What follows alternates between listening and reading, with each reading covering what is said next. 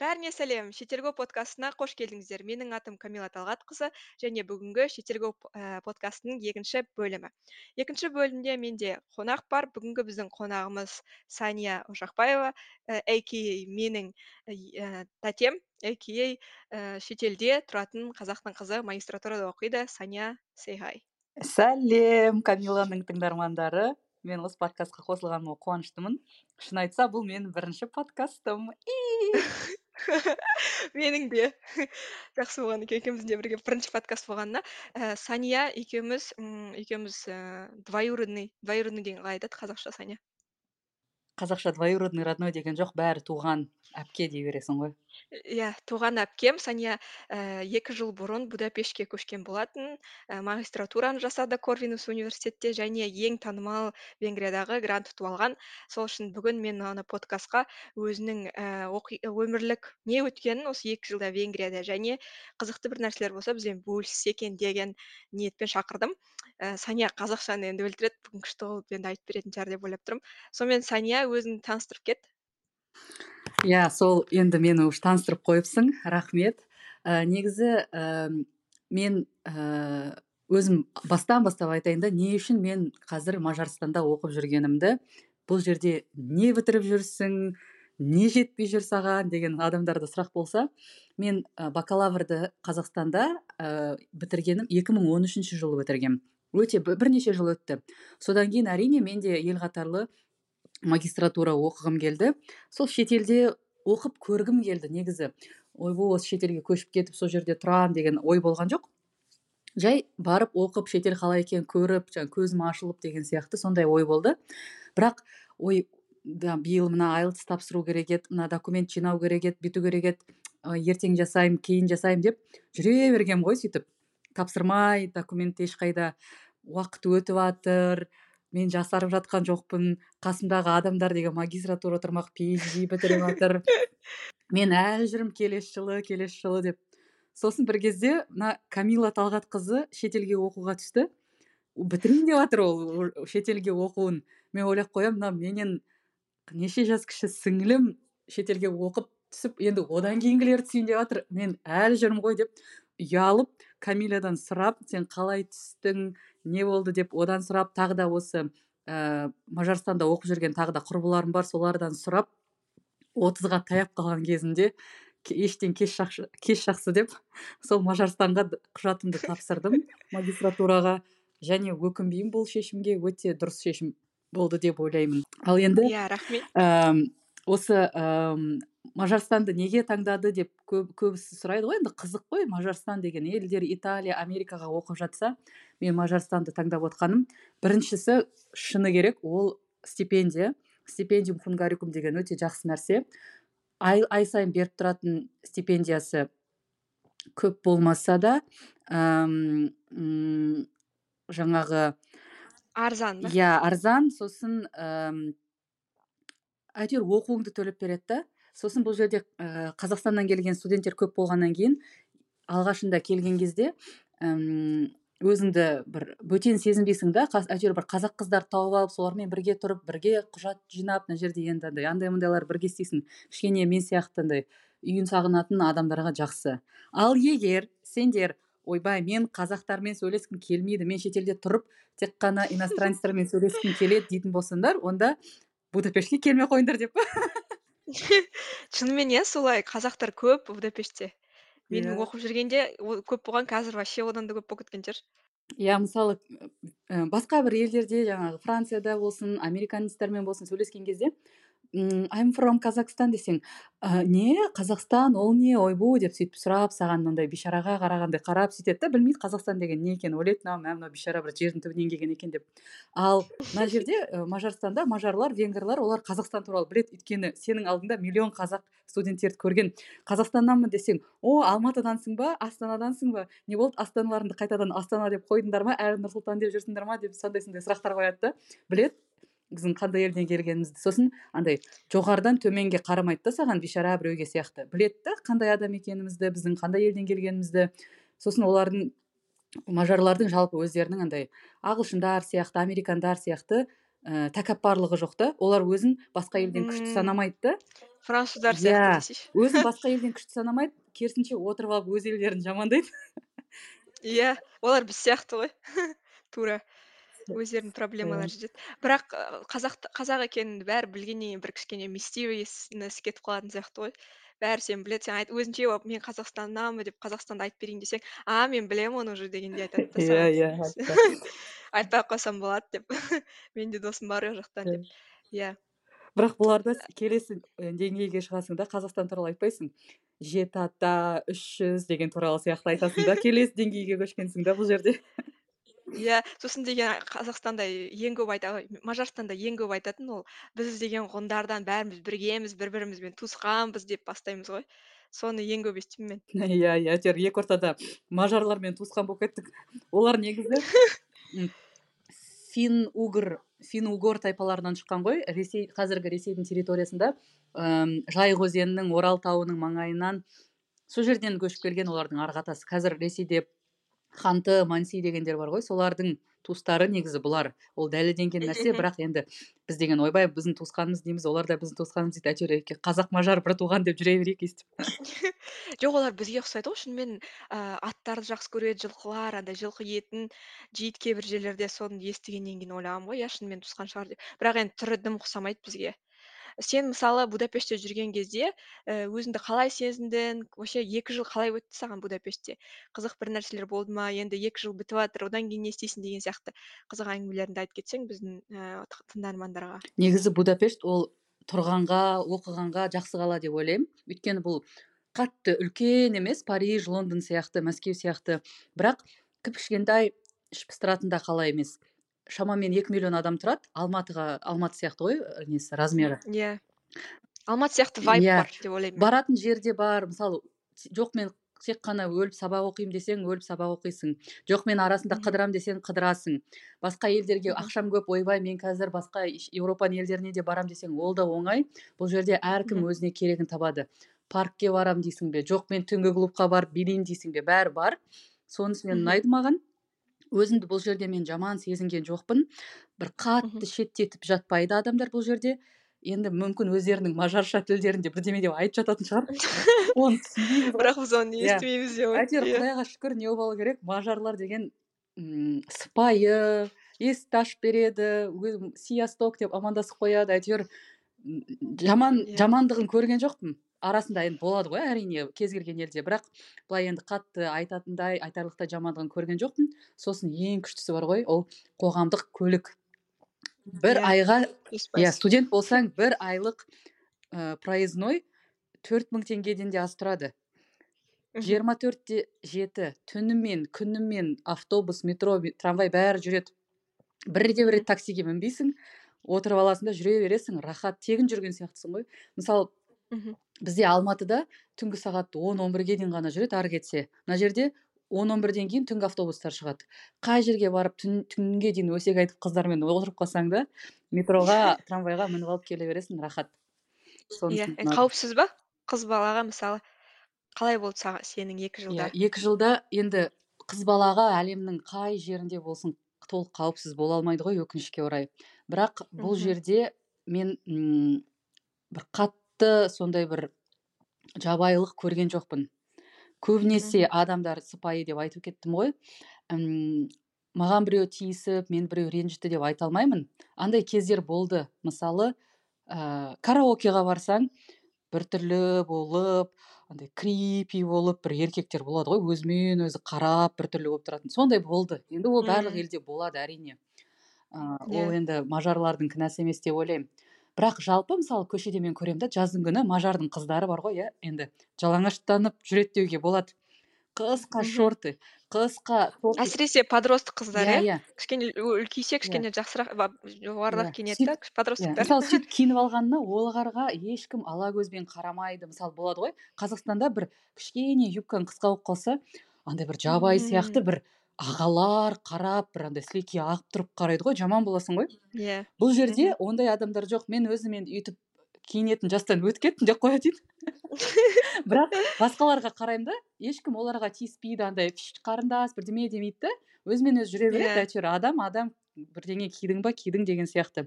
Сонысы жақсы былай жалпы бұл жерде бір жаман бірдеме болып қалады деп ойламаймын. Сосын мен бір ә, мажар біреумен танысқанмын. Ол ә, туған оның інісі полицияда істейді екен. Бұл жерде полиция негіз дұрыс жұмыс істейді екен. Мысалы көшеде қазір ешкім қылмыс жасамауға тырысады. Себебі полиция бірден келіп оны ұстап алады. Мысалы бір таныстарымыздың үйіне ұры түсіп ноутбугін ұрлап кеткен. Соны тура сол күні қазақтарға қазақтардың ноутбугін ұрлап кеткен. Тура сол күні полиция тауып берген ноутбугін тауып берген. Мә қайтарып берген. ужас қой. Мысалы біз қалайша? иә а бізде мысалы ноутбугыңды телефоныңды ұрласа полиция тауып алса да енді. Жаман айтқан емес бірақ өздеріне алып алады ғой тауып алса да мен алдында ә, парижда телефонымды ұрлап алған кезде барған кезде неге телефонымды ұрлатып алдым деп сол кезде маған айтқан енді не істеймін? деп. Сонда мен мен күніне бір он мың телефон ұрланатын шығар бүкіл парижда сенің бір телефоныңа жүгіріп жүреміз ба бізде террористтер бар басқа да бар. Біздің уақытымыз жоқ дегендей айтты да сосын мен деген ай жарайды деп кетіп қалғанмын заявка жаз деді да бірақ оны заявка қабылдады ма қабылдаған жоқ па кім біледі просто қағазға жазғам. Ә, менің ойымша қабылдаған жоқ телефонымды таки тапқан жоқпын. Менің подругам да мында ноутбугын ұрлап кетті парижда. Өзінің ііі комнатасында квартирасында тұрған қыз прикинь. Құрбысы бір құрбысымен тұрған. Ә, сосын бір күні шығып кеткен кезде ол құрбысының жігіті сол подругамның ә, ноутбугын ұрлап кеткен ғой. Сөйтіп деген сенің жігітің точно ұрлады басқа кім ұрлайды десе жоқ ұрламады деп соңында ол ұрлағаны білініп ә, сол қыз деген ақшасының жартысын төлепті. Бірақ енді бүкіл ақшасын емес сондай нәрселер де болады. Енді будапештте ноутбук тапқанына мен таңқалып тұрмын енді. Ал енді осы темадан енді оқу темасына барсақ. Будапештте қалай оқу сапасы ұнады ма саған? Мысалы қазақстанмен салыстырғанда. Мен қазақстанда тек назарбаев университетінде оқыдым да. Сонымен салыстырамын да мен кішкене өзінше оқы аламын ғой. Өйткені назарбаев университетінде жақсы ғой ә, оқу. Ал сенде қалай болды? Мысалы өзіңнің қазақстандағы университетті салыстырғанда. Қазақстандағы университетіңді айтып кетші кстати. Адамдар иә. білмейді ғой. Мен қазақстанда абылай хан атындағы қазақ халықаралық қатынастар және әлем тілдері университеті деген бітіргем. Ол бұрынғыша инияз ол университет маған ұнады. Негізі жаман емес. Мен ол жерде шетел тілдерін оқығанмын. Лингвистика шетел тілін үйрету методикасы деген сияқты. Негізі жақсы жақсы профессорларым болды. Мына жерде мен социология оқып жатырмын мүлдем басқа сала. Бірақ дегенмен бұл да иә. әлеуметтік ғылымдар ғой енді қатты бір инженер болып кеткен жоқпын. Әм, білім сапасына мен негізі көңілім толады. Бұл жерде профессорларымыз біздің әйтеуір өзінің профессорларым бәрі білімді бәрі нағыз ғылыммен айналысатын адамдар. Кәдімгідей зерттеу жұмысымен айналысады. Сабақтарын жақсы қарайды лекцияларын жақсылап өткізеді. Бірақ бір жақсысы маған ұнайтыны олар қиын тақырыптарды бергенмен кейде ойланып нететін жаңағы оқитын мақалалар көп береді ғой. Бірақ олар иә. өздерінің мінездері жақсы болғаннан кейін саған стресс жасамайды да менің профессорларым. Мысалы мхм сен уайымдап жүрмейсің ананы жасау керек еді ғой мынаны жасау керек еді ғой деп. Сондай бір олар мхм ә, ақкөңіл түсініспен қарайды. Мысалы деген біздің ә, қыздар кейбір класстағы қыздарымыз болды. Жаңағы үйін сағынып депрессияға ұшырап жүрген кезде соны ағайларға апайларға айтады да мен сөйтіп жаман болып жүрмін десе ойбу деп оған жаңағы жаны ашып көмектесіп сөйлесіп сосын қандай иә жақсы. мысалы дедлайнға үлгермей қалсаң жарайды деп жаңағы енді саған сен кешігіп өткіздің бес қоя алмаймын төрт қояйын деп айтады да мысалы айтпайды да болды қабылдамаймын деп ше. Сондай иә. жақсы жақсы профессорлар келді бізге корвинус университетінде. Бірақ маған ә, басқалар айтады да кейбір нелерде департаменттерде сондай өзінше профессорлар бар екен. Енді ол да бәрі бірдей бола бермейді. Бірақ мен корвинуста экономиканы білем өте қиын екен. Экономика финансы дегендерді оқыған қиын екен университетте біздің. Иә. Сол специальность сол емес па универдің корвинустың ең біріншісі иә. экономика? Иә иә. Ал бірақ қиын болғанына қарамастан ыыы ешкім жаман деп айтқанын мен басқа қыздардан балдардан естіген жоқпын. Бәріне корвинуста ұнайды. Басқа университеттерде де жалпы көбісі айтады жақсы деп бір жаман ойбай білімнің сапасы төмен деп ә, айтып шағымған шағымданғандарын естіген жоқпын енді. Иә иә. Ал ә, сен осы енді осы екі жылды бітіргеннен кейін осы білімді қазақстанға апарып жетілдіріп нейтесің ба немесе қандай пландар бар қазір енді?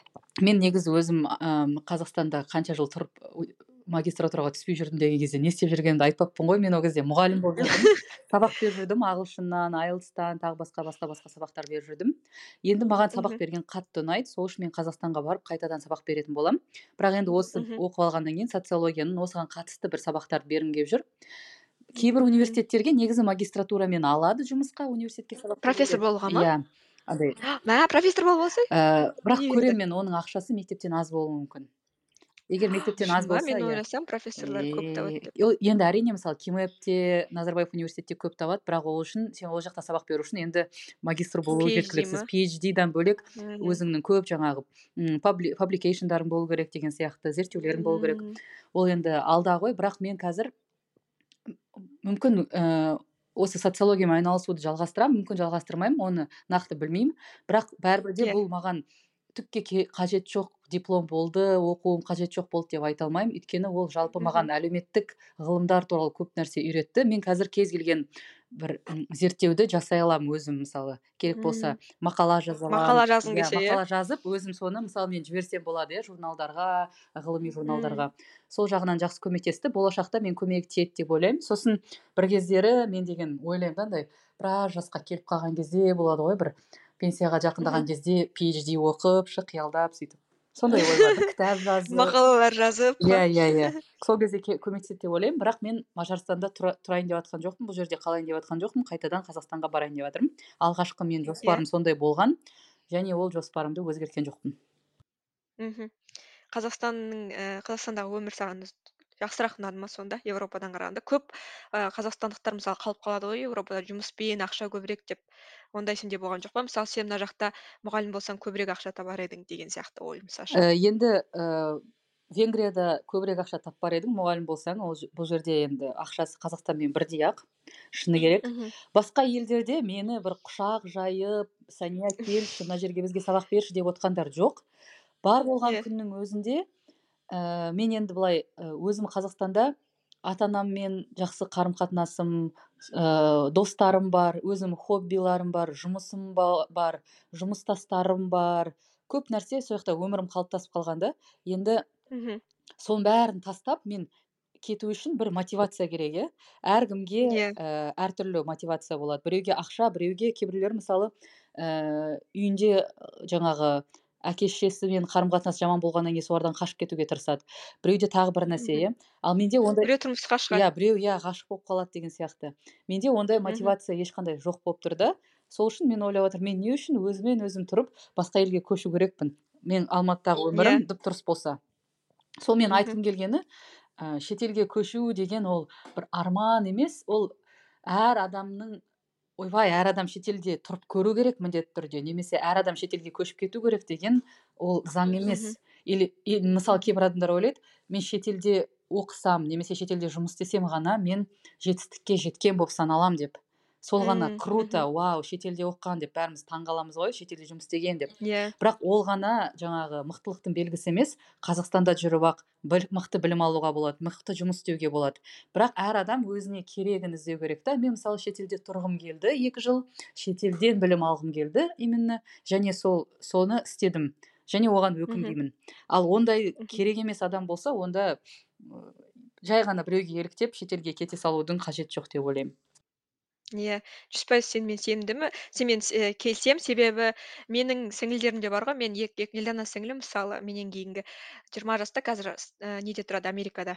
Ыыы америка құрама штаттарында массачусетс деген жақта жүз пайыз грантпен оқиды. Ыыы одан кейінгі сіңілім қазір он сегіз жаста школды енді бітіріп жатыр мектепті он бірінші сыныпты бітіріп қазір ұбт тапсырып жатыр.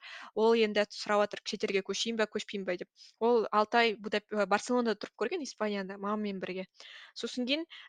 ә, өзі барселонада тұрып кішкене өмір сүріп көргеннен кейін шетел оған емес екенін кішкене түсініп қалған сияқты ол себебі былай қарасаң бұрын мысалы мүмкін бес он жыл бұрын қазақстанда мысалы білім ба немесе қазақстанда әм, атмосфера ма ондай жоқ сияқты ба деп ойлаймын да. Бірақ қазір менің ойымша алматыда әсіресе және басқа да қалаларда ә, соншама нәрселер дамып жатыр да. Мысалы қаншама кафешкалар бар бізде басқа шетелде сияқты. Қанша бизнестер бар қанша жұмысқа ә, нелер бар мүмкіндіктер бар. Менің ойымша біз шетелден кем болмай кеттік. Осының ііі сол үшін талшынға да айтып жатырмын да мен і сіңіліме мектеп бітіріп жатқан қазақстанда қалып мысалы қазақстанда ертең жұмыс тауып сөйтіп жүрсең і керемет болатын еді деп ше шетел ұнамаса. Өйткені бәрі бару керек емес қой шынымен де. Мхм. Әсіресе бакалаврлар мысалы он он жеті жаста мектеп бітіріп өмір бақи әке шешенің қасында тұрғаннан кейін басқа бір елге кетіп қалып сол жерде өмір сүру ақша жоқ иә туысқан жоқ ауырып қалсаң саған сорпа пісіріп беретін мамаң жоқ. Ә, сондай сондай кездерде ә, әсіресе кішкентай болсаң ол қиын. Әрине бұл нәрсе адамды өте дамытады. Адамның иә. жеке дамуына қатты көмектеседі. Үлкен өмір мектебі болады. Бірақ ол саған керек па? сен соған дайынсың ба? деп өзіңе сұрақ қою керек деп ойлаймын. Сосын иә. со, со, соған сен шыдай аласың ба деп.